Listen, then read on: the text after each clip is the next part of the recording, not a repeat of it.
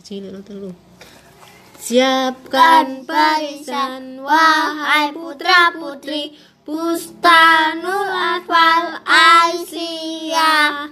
marilah kita mendengar marilah kita belajar untuk menjadi anak beriman menurut ajaran Islam